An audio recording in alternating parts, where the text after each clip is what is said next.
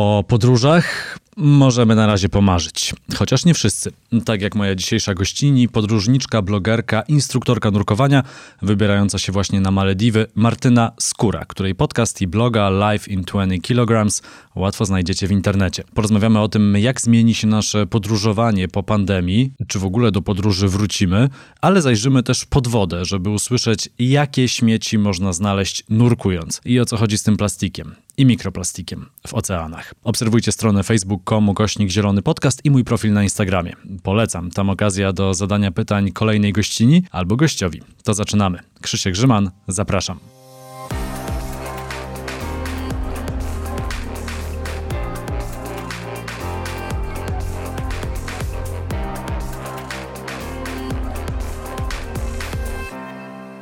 Gościnią Zielonego Podcastu jest Martyna Skóra, blogerka, podcasterka. W social mediach znajdziecie ją pod nickname'em Life in 20 kg, czyli życie w 20 kg. To pewnie tyle, ile e, bagażu się e, mieści normalnie, e, gdy się leci samolotem, ale o tym jeszcze zaraz Martyna powie. I autorka książki Podróże na własnej skórze. Cześć. Cześć, bardzo mi miło. Dobrze zgadłem? Life in 20 kg, te 20 kg to od limitu bagażu? Tak, tak, to jest dokładnie e, limit bagażu, bo ja e, średnio co roku, co półtora pakuję całe swoje życie 20 kg. Teraz właśnie muszę zrobić to samo, bo za kilka dni znowu się przeprowadzam w, inne, w inną część świata. Tak, i wbrew pozorom nie jest to um, blog dietetyczny, bo też takie uwagi dostawałam, że zrzuciłam 20 kilo. Nigdy bym o tym nie pomyślał. Jesteś też instruktorką e, nurkowania. Tak. Starasz się edukować na temat ochrony e, oceanów. Dużo podróżujesz, nurkujesz. E, czy ty trafiasz na dużo śmieci w trakcie swoich wyjazdów? Czy miejsca jednak te bardziej turystyczne są właśnie dla turystów czyszczone? I tak, i nie. W tym, w tym co mówisz, jest dużo prawdy. Ja nurkuję, nurkowałam w wielu miejscach na świecie. To była Azja Południowo-Wschodnia, Tajlandia, Bali, Kambodża. Rok spędziłam na Malediwach, półtora roku w Meksyku i te śmieci się zdarzają oczywiście w miejscach, że tak powiem, bardziej zaludnionych, bliżej hoteli, bliżej e, miejscowości turystycznych tych śmieci jest, e, jest dużo więcej. Te śmieci, one nie są tylko pod wodą, one są oczywiście na powierzchni, tylko że te na powierzchni jest właśnie łatwiej wyczyścić, tak jak wspomniałeś. Jest wiele miejsc e, na całym świecie, gdzie rano na plaży, zanim jeszcze turyści e, wstaną, wychodzi e, obsługa, lokalna obsługa, czy to hoteli, czy to mi miejscowa z Urzędu Miasta, czy z jakiejkolwiek innej instytucji i sprzątają tą plażę po to, żeby turyści mieli ładny rajski widok. I ja pamiętam w Tajlandii lata temu kiedyś robiliśmy sprzątanie plaży z uczniami lokalnej szkoły. I pamiętam, że no właśnie próbowaliśmy w jakiś sposób ich wprowadzić taką edukację y, środowiskową, ekologiczną i argument, że śmieci to jest zanieczyszczenie, że to nie jest zdrowe, że mikroplastik, to nie trafiało e, do mieszkańców tej e, lokalnej wioski. Ale argument, jeżeli będą śmieci, turyści nie przyjadą, trafią jak najbardziej.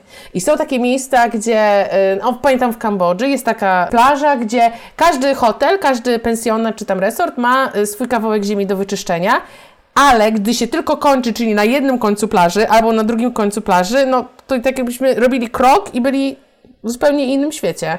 Bo tam już nikt nie sprząta tych śmieci, bo nie muszą. Ach, no właśnie. E, mówisz o tym, że sprząta się mm, to, co na powierzchni, chociaż z moich podróży do Azji, to jest też mnóstwo miejsc, gdzie nawet y, tych śmieci, które widać, się nie sprząta. Tak, Tego tak, plastiku jest... po prostu jest mnóstwo, mnóstwo, mnóstwo. Ale chciałem zapytać, no a co jest pod wodą? Bo ja nie nurkuję, więc mhm. nie wiem. Pod wodą jest wszystko.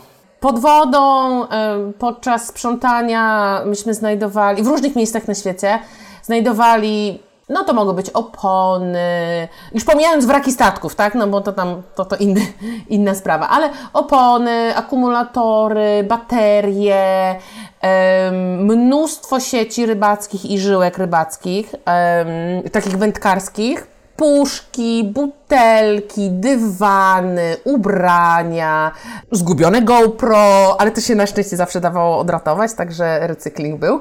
Ehm, telefony, czasami kosmetyki, w sensie takie, e, no nie wiem, na przykład szminkę, tak? Albo biżuterię też. Mi się też zdarzało iść szukać, e, bo ktoś zgubił obrączki. E, albo pierścionek zaręczynowy, bo ktoś się oświadczył pod wodą, też zdarza się zgubić. No, tak naprawdę wszystko można tam znaleźć. O, i, i słoiki, pamiętam, znajdowaliśmy. Elementy y, takie konstrukcyjne, że widać, że była gdzieś budowa wcześniej i te rzeczy niepotrzebne były po prostu wyrzucane, e, wyrzucane do wody. Także części silnika na przykład można też znaleźć, zabawki, wszystko, naprawdę wszystko można pod wodą znaleźć. Czyli takie trochę śmietnisko. No niestety, bo jest takie powiedzenie, y, czego oko nie widzi, temu sercu nie żal i mam wrażenie, że ono bardzo odnosi się do oceanu, bo y, ludzie myślą, że tak no na powierzchni to nic nie widać, a ten ocean to wszystko przyjmie.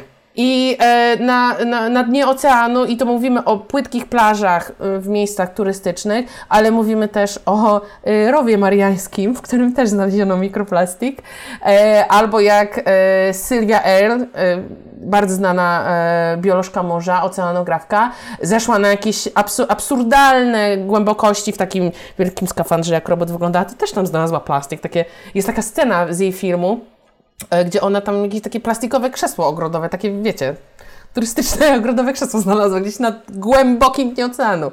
Także rzeczywiście niestety tam jest wszystko. No to jest trochę przerażające, a to są i tak tylko te śmieci, które widać gołym okiem, bo wspomniałeś już o mikroplastiku. To mhm. jest ogromny problem przecież. Tak, tak. Mikro, e, mikroplastik jest bardzo dużym problemem, ponieważ e, plastik, jak wiesz, jest lekki, jest... E, bardzo trudno zniszczalny, bardzo trudno go e, zniszczyć. On się tylko rozdrabnia właśnie na, na mniejsze części i on jest w całej kolumnie wody. Bo o ile metal, e, jakiekolwiek części metalowe zawsze spadną na dno, no i powiedzmy, że można je tam jakoś zebrać albo no przynajmniej się leżą na tym dnie, tak Mikroplastik jest w całej kolumnie wody, więc może być na powierzchni, mogą go e, spożywać ptaki, tak? Mogą je spożywać e, ryby na jakiejś tam głębokości, ale mogą to być też bardzo, bardzo duże, duże głębokości. No, cała nadzieja w startupach, które pracują nad różnymi rozwiązaniami, żeby ten mikroplastik wyłapywać. A powiedz mi, bo wspomniałaś już trochę o tym, że brałaś udział w akcjach e, sprzątania. Mhm. E, to tacy na poważnie zajmujący się tematem osoby nurkujące, mhm. nurkowie, angażują się w takie projekty? E, powiedziałabym, że tak. To oczywiście też zależy, no, bardzo dużo zależy od świadomości właściciela centrum nurkowego i danej, da, danej lokalizacji. Są takie miejsca, gdzie myśmy na przykład e, na Malediwach co miesiąc mieli taką akcję, e, że sprzątaliśmy rafę naokoło naszej wyspy.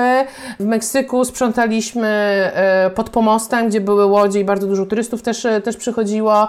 Są takie projekty wspierane, jest taka fundacja Project Aware, która jest też bardzo związana właśnie z, z nurkowaniem. I oni też wspierają właśnie takie akcje sprzątania lokalnych e, nurkowisk, lokalnych e, właśnie, e, czy to rafy, to nie musi być nawet rafa, bo w Polsce ludzie sprzątają jeziora, rzeki i jakieś zalewy. Także tak, nurkowie, powiedziałabym, że nurkowie są ambasadorami oceanów i naprawdę rzeczywiście dbają, z mojego doświadczenia bardzo dbają o ocean i wielokrotnie mi się zdarzyło, że ja gdzieś płyniemy sobie oglądać rafę, rybki, czy pływać z rekinami, ale widzę śmieć, zbieram śmieć. I widzę później, że moi klienci, moi nurkowie też to robią. Płyną, a tu jakiś tam kawałek żyłki, no to dobra, odcinamy kawałek żyłki, a tu jakiś tam puszka po konserwie, czy opakowanie po chipsach, to można spokojnie, e, spokojnie ze sobą zabrać, także te takie mniejsze śmieci bardzo często po prostu ze sobą zabieramy. Oczywiście też do, mm, to jest do pewnej granicy bezpieczeństwa, bo też nie możemy się przeciążyć, nie możemy wielkich, nie wiem, kloców albo opony wziąć. Na to są inne metody, no trochę, że tak powiem, e, bardziej czasochłonne, ale, ale tak, powiedziałam, że nurkowie bardzo bardzo, bardzo się angażują. Przynajmniej takie jest moje doświadczenie i chciałabym w to wierzyć. No i dajesz dobry przykład. A twój kolejny kierunek podróży to są właśnie Malediwy? Yy, tak, wracam na Malediwy. Yy, kilka dni temu yy, dostałam pracę w bardzo ekspresowym tempie. I właśnie teraz w pokoju za biurkiem, za którym siedzę, jest cały rozgardiaż, majdan pakowania się. Pakuję znowu życie 20 kg ze sprzętem nurkowym i ruszam na Malediwy na rok. O, wow, niezła wyprawa. A jak tam wygląda Rafa? Opowiedz trochę. Wiesz co, e, to bardzo zależy. Najpierw to trzeba sobie zdać sprawę z tego, jak wyglądają Malediwy. E, Malediwy są stworzone z atoli. Atole to są takie pierścieniowe jakby archipelagi. To jest bardzo dużo małych wysepek w kształcie, nazwijmy to pierścienia, e, mniej więcej. I wewnątrz tego pierścienia, bo to był kiedyś wulkan, który się zapadł. W związku z tym wewnątrz tego pierścienia jest płytko, chyba najgłębszy atol ma 70 metrów, ale tak 40-50, a za granicą atolu to jest tak kilka tysięcy, bo to jest środek oceanu, Maldywy są w środku oceanu. I są takie atole, gdzie rafa y, jest przepiękna, jest kolorowa, jest mnóstwo ławic, małych, dużych ryb, są y, rekiny, manty i ta rafa jest rzeczywiście bardzo, bardzo kolorowa, a są takie atole, gdzie to wybielanie koralu, czyli obumieranie rafy e, na skutek podniesienia się temperatury wody, e, no bardzo niestety dało się we znaki i koralowiec jest biały, on po prostu tam umiera, albo są takie fragmenty, że już umiera, a część jeszcze nie, no więc to, więc to ba bardzo, bardzo zależy. E, ja byłam w 2019 na Malediwach, 18-19 byłam na Malediwach, i w maju pamiętam, temperatura wody podwyższyła się i to było bardzo odczuwalne. Normalnie było 29-30 i w maju pamiętam, że wzrosła do 31. I ona się tak utrzymywała może z dwa, trzy tygodnie, nie pamiętam, ale to nie było jakoś tak strasznie długo w perspektywie ludzkiej. I to już wystarczyło, żeby część korali zaczęła obumierać i robić się biała wybielać. Kurczę, no są właśnie mm, takie badania naukowców i prognozy, w zasadzie bardziej niż badania, że rafy koralowe mogą zniknąć całkowicie z powierzchni Ziemi do 2100 roku. Czyli no, w perspektywie trzech pokoleń. O, to, to całkiem spoko. Bo ja ostatnio słyszałam, że do 2050. A to może jednak te moje są bardziej optymistyczne niż te, które ty czytałeś. Tak, tak, tak. Rzeczywiście tak jest i rafy koralowe są bardzo wrażliwymi, skomplikowanymi systemami. One są bardzo, bardzo potrzebne oczywiście. Tak w ogóle w ekosystemie, bo Wiele osób nie zdaje sobie właśnie z tego sprawy, jak ważne są rafy. Y, wydawałoby się, że o, tam piękny widoczek, jak sobie pójdę na snorkeling, to poglądam sobie rybki. Ale nie, bo na przykład to tsunami w 2004, które się zdarzyło, w, to Sumatra tsunami, które uderzyło w bardzo dużo, wiele krajów, w wielu krajach ono miało tak katastrofalne skutki, między innymi, nie przede wszystkim, ale między innymi dlatego, że nie było że mangrowce, drzewa namorzynowe zostały wycięte i rafa koralowa została zniszczona. W miejscu, gdzie ja byłam w Tajlandii, w Kaulak, to yy, niedaleko Kaulak, to jest taka miejscowość na wybrzeżu Morza Andamańskiego, które należy do Oceanu Indyjskiego, wydobywali lata temu, kilka dekad temu, wydobywano cynę w taki sposób, że trałowano przybrzeżne wody. To polegało na tym, że no, kotwicą się ryło pod nie, żeby wydobyć tą tynę. I oczywiście zniszczyło się rafę koralową. A rafa koralowa bardzo, bardzo chroni właśnie od tsunami. Jeżeli, jeżeli byłaby tam rafa koralowa, to wtedy to tsunami miałoby dużo mniejsze skutki. I są takie miejsca, bodajże to było na Sri Lance, już teraz nie pamiętam, że była część plaży ochroniona rafą, bo rzeczywiście tam rafa się zachowała, bo ym, właściciele hoteli jej nie, nie zniszczyli, a były plaże, gdzie nie było tej rafy koralowej i było widać y, y, wyraźnie skutki można było sobie porównać. Jeżeli nie ma rafy, to rzeczywiście ta fala tsunami jest dużo, dużo silniejsza. Poza tym no, to jest miejsce schronienia dla tak wielu gatunków zwierząt i w ogóle stworzeń, z których e, wiele, wiele narodowości z całego świata, no to jest ich główne e, źródło białka spożywczego, no bo, no bo nie ma, nie wiem, kurczaków, e, wołowiny czy wieprzowiny, tylko jest tylko to, co to, co da morze. Poza tym z rafy koralowej, z, wie, z wielu rodzajów, e, czy to stworzeń, e, koralowców, roślin czy ryb, e, pozyskuje się substancje, które się później na przykład używa w, w medycynie, w, w lekach i w różnych, nie wiem, kosmetykach. Także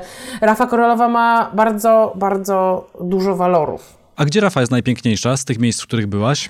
Morze Czerwone jest bardzo ładne. Uwielbiam Morze Czerwone. E, właśnie tam w, w okolicach Sharm el Sheikh, Dahab. Tam jest przepięknie i mamy wielkie szczęście, że mieszkamy, mieszkamy tak blisko i możemy lecieć do Egiptu. Ale moje ulubione, ulubione miejsce to jest wyspa Cozumel w Meksyku, na wschodnim wybrzeżu. Pamiętam, że kiedy tam jechałam, ludzie mówili, o, Cozumel w pierwszej piątce na świecie. I ja tak, no jasne, słyszałam to już wiele razy. Ale rzeczywiście jest tak, że ta rafa jest tam przepiękna. I to są tak wielkie struktury, to są struktury kilkudziesięciu metrów, one się mogą zaczynać od 5 metrów głębokości i iść do 40. Tam są tunele, przepływy, jakieś takie groty. Cudownie. Tam jest po prostu przepięknie. Ach, e, miło się słucha o czyichś podróżach, szczególnie w czasie, gdy mm, wszyscy siedzimy e, w domach i o tych podróżach możemy na razie w zasadzie e, tylko pomarzyć. Jak sobie wspominam swoje wyprawy, głównie do Azji, to jednak zawsze, gdy patrzyłem na te śmieci i te tony śmieci i tony plastiku, które gdzieś tam były produkowane, to myślałem sobie, no tak, kurczę, wszystkie te kraje są jeszcze lata, lata przed tym, gdzie my jesteśmy, A Polska i tak, jeżeli chodzi o recykling, jeżeli chodzi o podejście do plastiku, jest z kolei jeszcze przynajmniej kilka, jeżeli nie kilkanaście lat za krajami najwyżej rozwiniętymi. I chyba trzeba mieć takie podejście też gdzieś z tyłu głowy, jeżdżąc y, w dalekie strony. No tak, na pewno, na pewno, bo wiele osób jadąc do Azji, no przeżywa, że tak powiem, szok tego, ile plastiku się używa i gdzie on kończy, bo na przykład w Tajlandii, pamiętam jak przyjechałam i to było w 2013, jak się tam przeprowadziłam na rok, ale później w 2016 byłam przewodnikiem, pilotką i później jeszcze w 2019 w zeszłym roku też tam byłam. I jest tak, że jeżeli kupuje się wodę mineralną z, z zakrętką, to naokoło tej zakrętki jest taki, no taka plastikowa folia. Tak jak jest, yy, no nie wiem, w niektórych, yy, nie wiem, czy kosmetykach, czy że, że trzeba ją po prostu zerwać i to świadczy o tym, że ta butelka wcześniej nie była otwierana.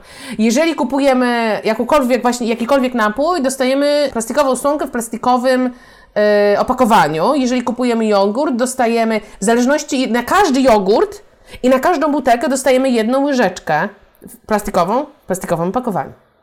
Może się to zmieniło, bo pamiętam, że w zeszłym roku już widziałam w niektórych miejscach, tam walczymy z plastikiem, że jeżeli nie chcesz, to nie musisz brać, albo po prostu powiedz, że nie chcesz. Niemniej jednak tam jest bardzo, bardzo dużo rzeczy, e, rzeczy pakowanych w plastik. W niektórych miejscach to, bo to nie jest nigdy czarno-białe, na przykład na Malediwy trzeba dotransportować jedzenie. Tam nic nie rośnie. Banany, mango, kwiaty, kokos, tak bym powiedziała z moich obserwacji. No ale na przykład nie ma pól ryżowych, ani nie wiem, nie ma. Yy, no, no, jabłka tam nie rosną na pewno, a w hotelach się je jabłka, więc wszystko trzeba transportować i wszystko trzeba transportować. No to jest pakowane w plastik, to jest też pakowane w styropian, bo przecież y, taki rejs takiego statku długo trwa, więc no, no, no trzeba, to, trzeba to w czymś dowieść. A Oczywiście można zrobić tak, że nie używa się steropianu do ochładzania jedzenia, ale wtedy w chłodni potrzebne jest, w sensie te silniki, te chłodnie muszą pracować dużo, dużo bardziej, a w związku z tym rośnie emisja y, dwutlenku węgla. Y, więc to jest taki, no, taki balans, nie? że y, mhm. jeżeli usuniemy jedno, no to że tak powiem, to w naturze nic nie ginie. to gdzieś do nas wróci. Także rzeczywiście tak jest, że w Azji wiele rzeczy pakowanych jest plastik, ale to też wiąże się z tym, że to jest po prostu tanie. Wiele krajów rozwijających się to, to są kraje po prostu ubogie. I jeżeli jest jakiś mieszkaniec, który ma do wyboru, kupi sobie napój w plastiku za jednego dolara, a kupi sobie napój w szkle za 3 dolary, no to dla nich wybór jest prosty, bo oni walczą z tak, no, żeby mieć cokolwiek zjeść i nakarmić swoją rodzinę jutro, a nie w perspektywie 10 lat, jak plastik nas zaleje. To są troszeczkę inne mhm. priorytety. Myślę, że to jest dobry moment, żeby zadać to pytanie. A jak połączyć podróżowanie, które no, tak z natury no, to nie jest zielone, nie jest eko, z właśnie takim odpowiedzialnym stylem życia? Jak ty to robisz może? E, na pewno jest wiele metod i to jest jeszcze taka jedna rzecz, którą chciałam e, powiedzieć, że wiele osób, które podróżuje jest zero-jedynkowym, że albo wszystko, albo nic. A tak naprawdę jest bardzo dużo rzeczy po drodze, które można robić i to, że nie możemy wszystkiego robić, nie zwalnia nas z tego, żebyśmy w ogóle nic nie robili, bo na przykład jedną z takich rzeczy, żeby ograniczyć swój ślad węglowy jest to, żeby pojechać w jedno, polecieć w jedno miejsce samolotem, no bo powiedzmy, no, no kurczę, no, no nie da się dojechać albo dopłynąć e, gdzieś e, zeroemisyjnie we wszystkie miejsca na świecie.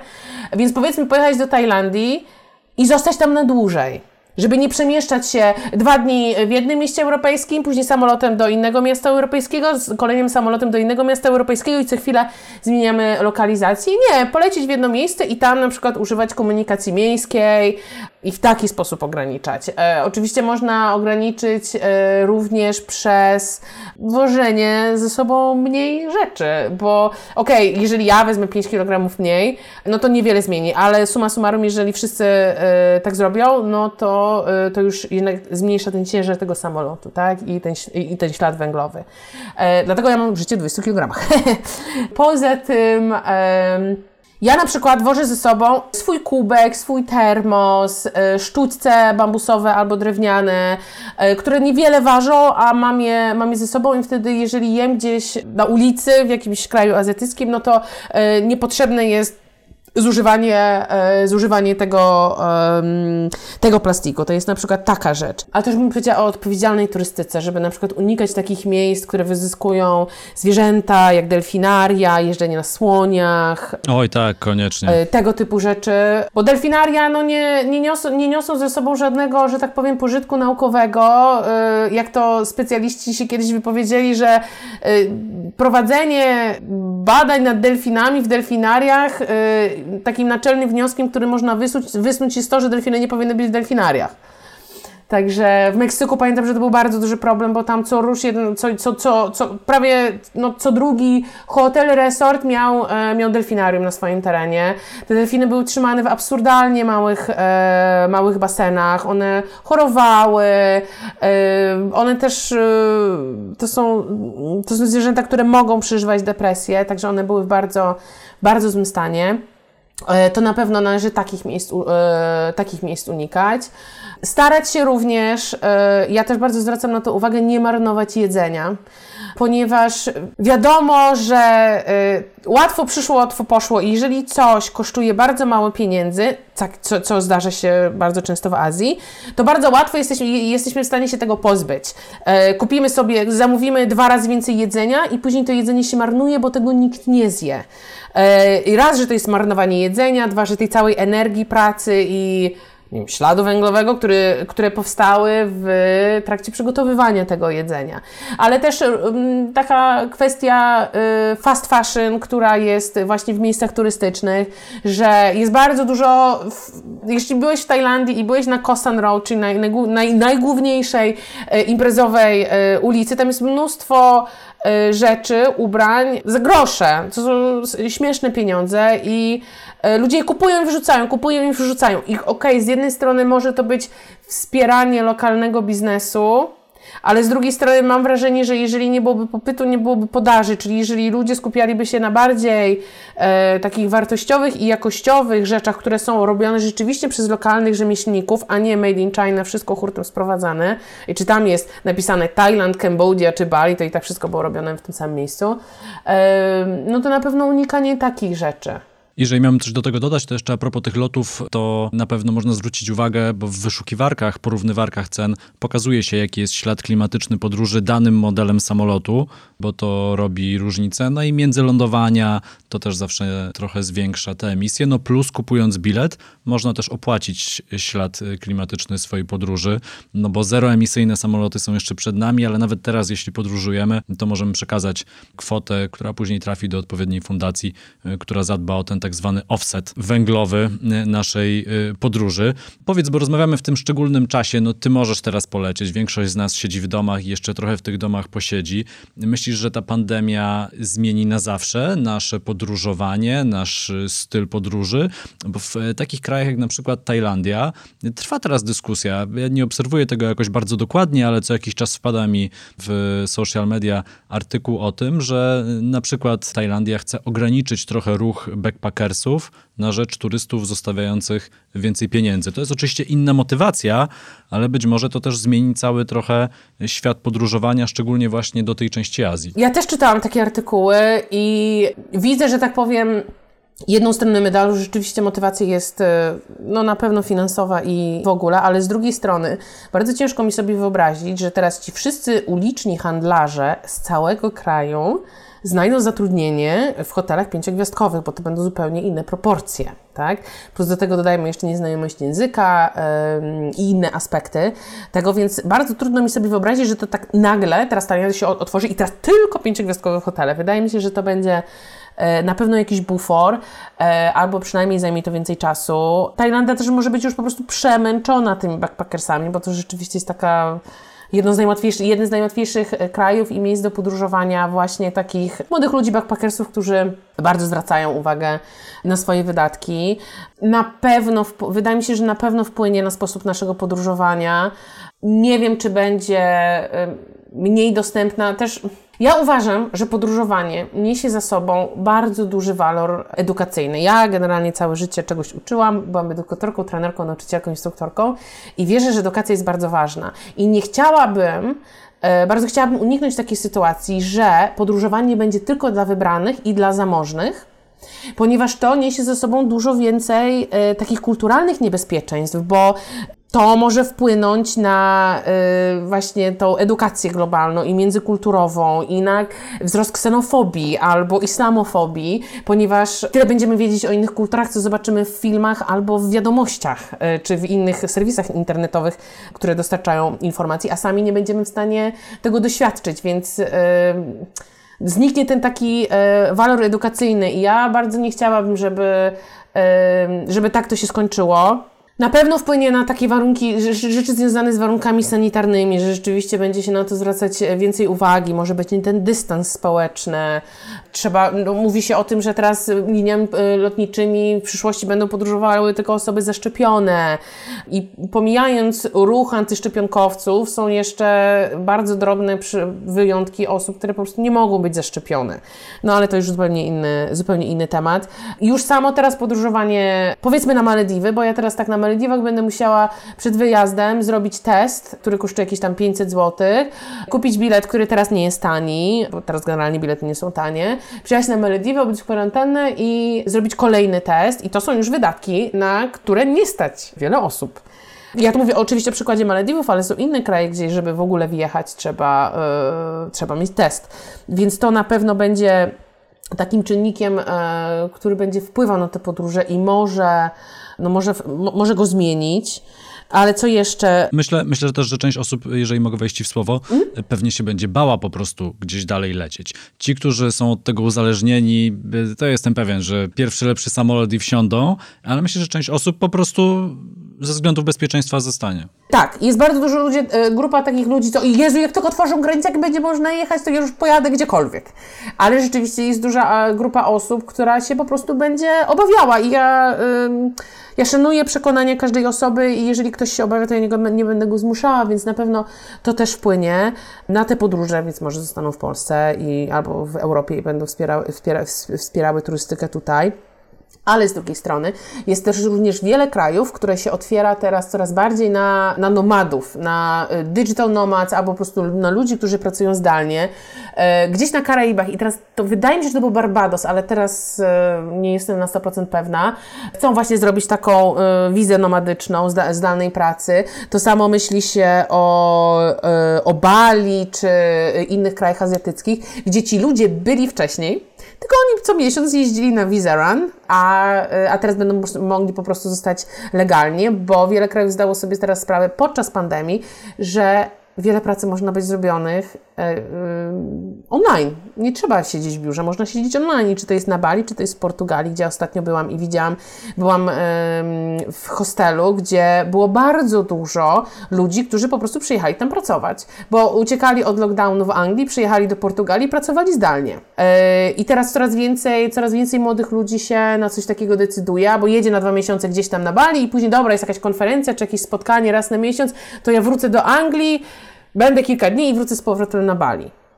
I rzeczywiście to jest taka też perspektywa dla tych krajów do ratowania, ratowania gospodarki właśnie tej, mm, która bardzo ucierpiała e, przez pandemię i te kraje się, kraje się pozamykały. W taki sposób też chcą sprowadzać do siebie ludzi pewnym takim trochę dzisiaj niebezpieczeństwem podróży jest pewnie ta myśl z tyłu głowy, a co jeżeli na przykład będzie kolejna fala pandemii albo kolejny koronawirus zupełnie inny, albo kolejna mutacja tego koronawirusa. Myślę, że dla wielu osób, które akurat na przełomie e, marca, kwietnia utknęły gdzieś na końcu świata, no to było trudne doświadczenie i drogie. Wydaje mi się, że ten, e, to jest ten jeden aspekt, e, o którym mówiliśmy, że podróże się teraz zmienią i chociażby zmienią się właśnie, właśnie też dlatego, że już teraz nigdy nie będziemy wiedzieli, czy nie pojawi się nowy wirus, e, czy nowa inna choroba, albo mało tego, może się pojawić coś zupełnie innego, o którym teraz nam się w głowie nie mieści, bo przecież pandemii też niewiele osób w ogóle e, myślało w takich kategoriach. E, nikt nie przewidział pandemii. No to teraz nie jest powiedziane, że w 2021 nie będzie coś zupełnie innego, którego teraz my nie przewidzimy. Także na pewno Na pewno jest to taki aspekt, który trzeba brać, e, brać pod uwagę, e, dlatego ja zawsze zachęcam do ubezpieczenia e, zdrowotnego i podróżniczego, podróżnego.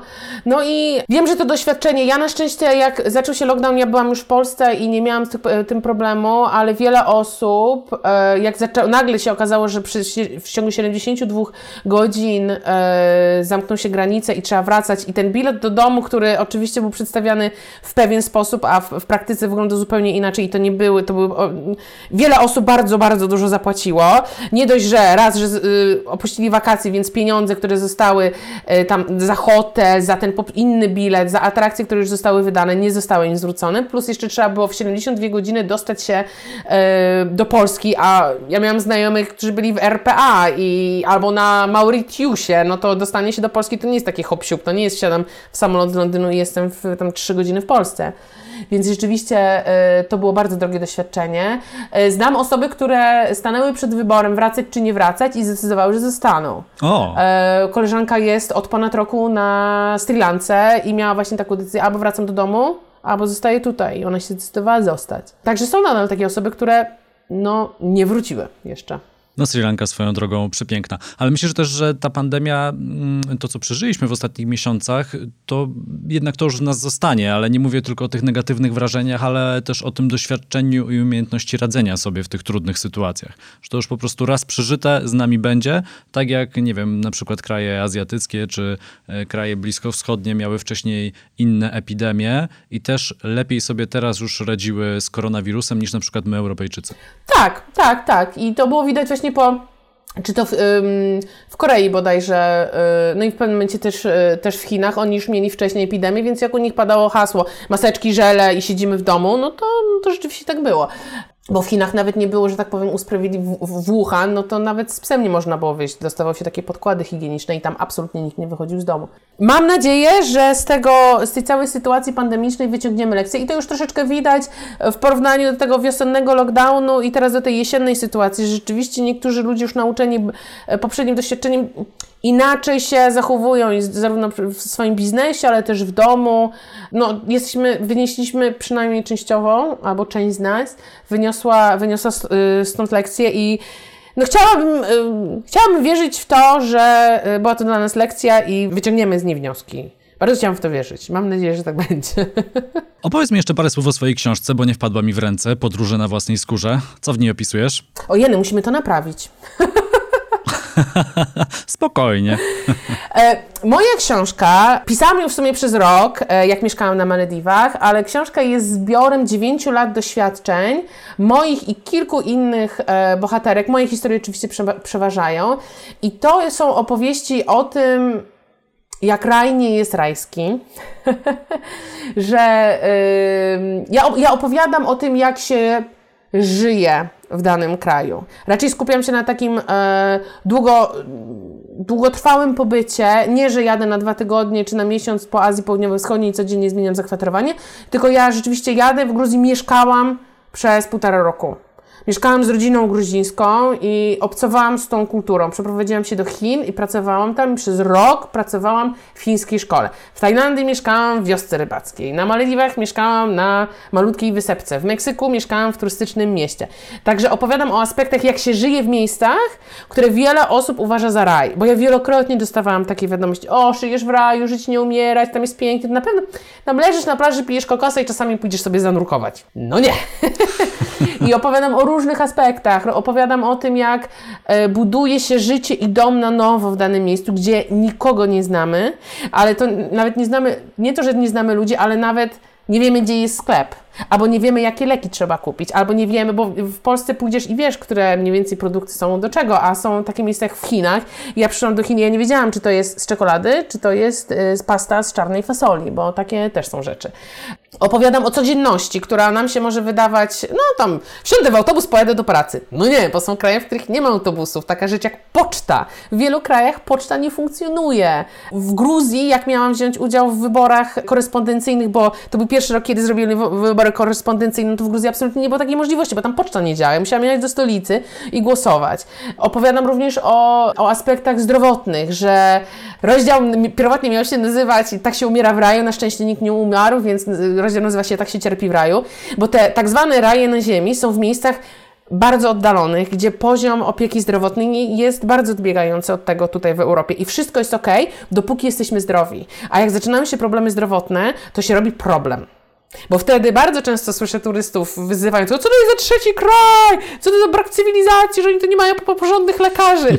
No sam się na to pisałeś, no, no to jest, że tak powiem, wpisuje się w, w cały pakiet, e, cały pakiet tego wyjazdu. Opowiadam o relacjach, jak się buduje nowe relacje na nowym miejscu, ale też te relacje stawione w domu, z rodziną, z przyjaciółmi. Opowiadam o bezpieczeństwie, e, bo podróżowanie nie jest bezpieczne i ja się będę tego trzymała. E, oczywiście to nie znaczy, że codziennie nam się coś, coś musi zdarzyć i to, taki, to takie wyświetlane, o, trzeba być tylko rozsądnym i zdrowego rozsądku słuchać, ale zdrowy rozsądek w Polsce, w Gruzji, w Meksyku czy yy, w Gambii to jest absolutnie coś innego.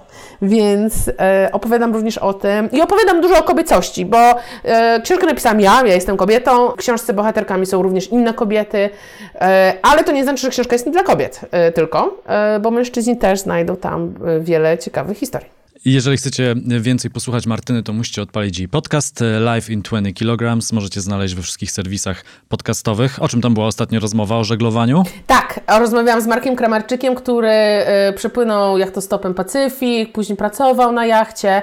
Spełnił moje największe marzenie, czyli pływanie z y, wielrybami, z humbakami na, w Królestwie Tonga. To jest szczyt moich marzeń. Mam nadzieję, że mi się kiedyś uda.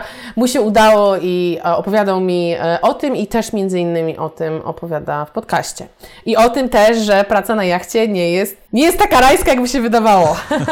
Bo ja staram się opowiadać właśnie o takich różnych aspektach podróży. Nie tych tylko instagramowych, które widać, tylko o tych, y, tych mniej kolorowych, tak żeby po prostu przedstawić cały wachlarz danej sytuacji, bo nic nie jest czarno-białe. Ach, przyjemnie było o tych podróżach przynajmniej porozmawiać. Martyna Skóra, blogerka, podcasterka, instruktorka nurkowania. Znajdziecie ją w social mediach e, pod nazwą Life in 20 kg. Autorka książki Podróże na własnej skórze była gościnią Zielonego Podcastu. Bardzo Ci dziękuję za rozmowę. Bardzo dziękuję za zaproszenie. Przyznam się szczerze, że Twój podcast y, odkryłam niedawno, ale jestem jego, y, od tego niedawna jestem jego wielką fanką i bardzo, bardzo sobie cenię Twój profesjonalizm i merytorykę. Bardzo dziękuję. Ja też Twój mam wrzucony w kolejkę odtwarzania. Dzięki bardzo. Do usłyszenia. Dzięki bardzo. To był Zielony Podcast. Kolejny odcinek w niedzielę. W wolnym czasie zajrzyjcie na stronę facebook.com kośnik Zielony Podcast i mój profil na Instagramie. Tam okazja do zadania pytań kolejnej gościni albo gościowi. Krzysiek Grzyman, do usłyszenia.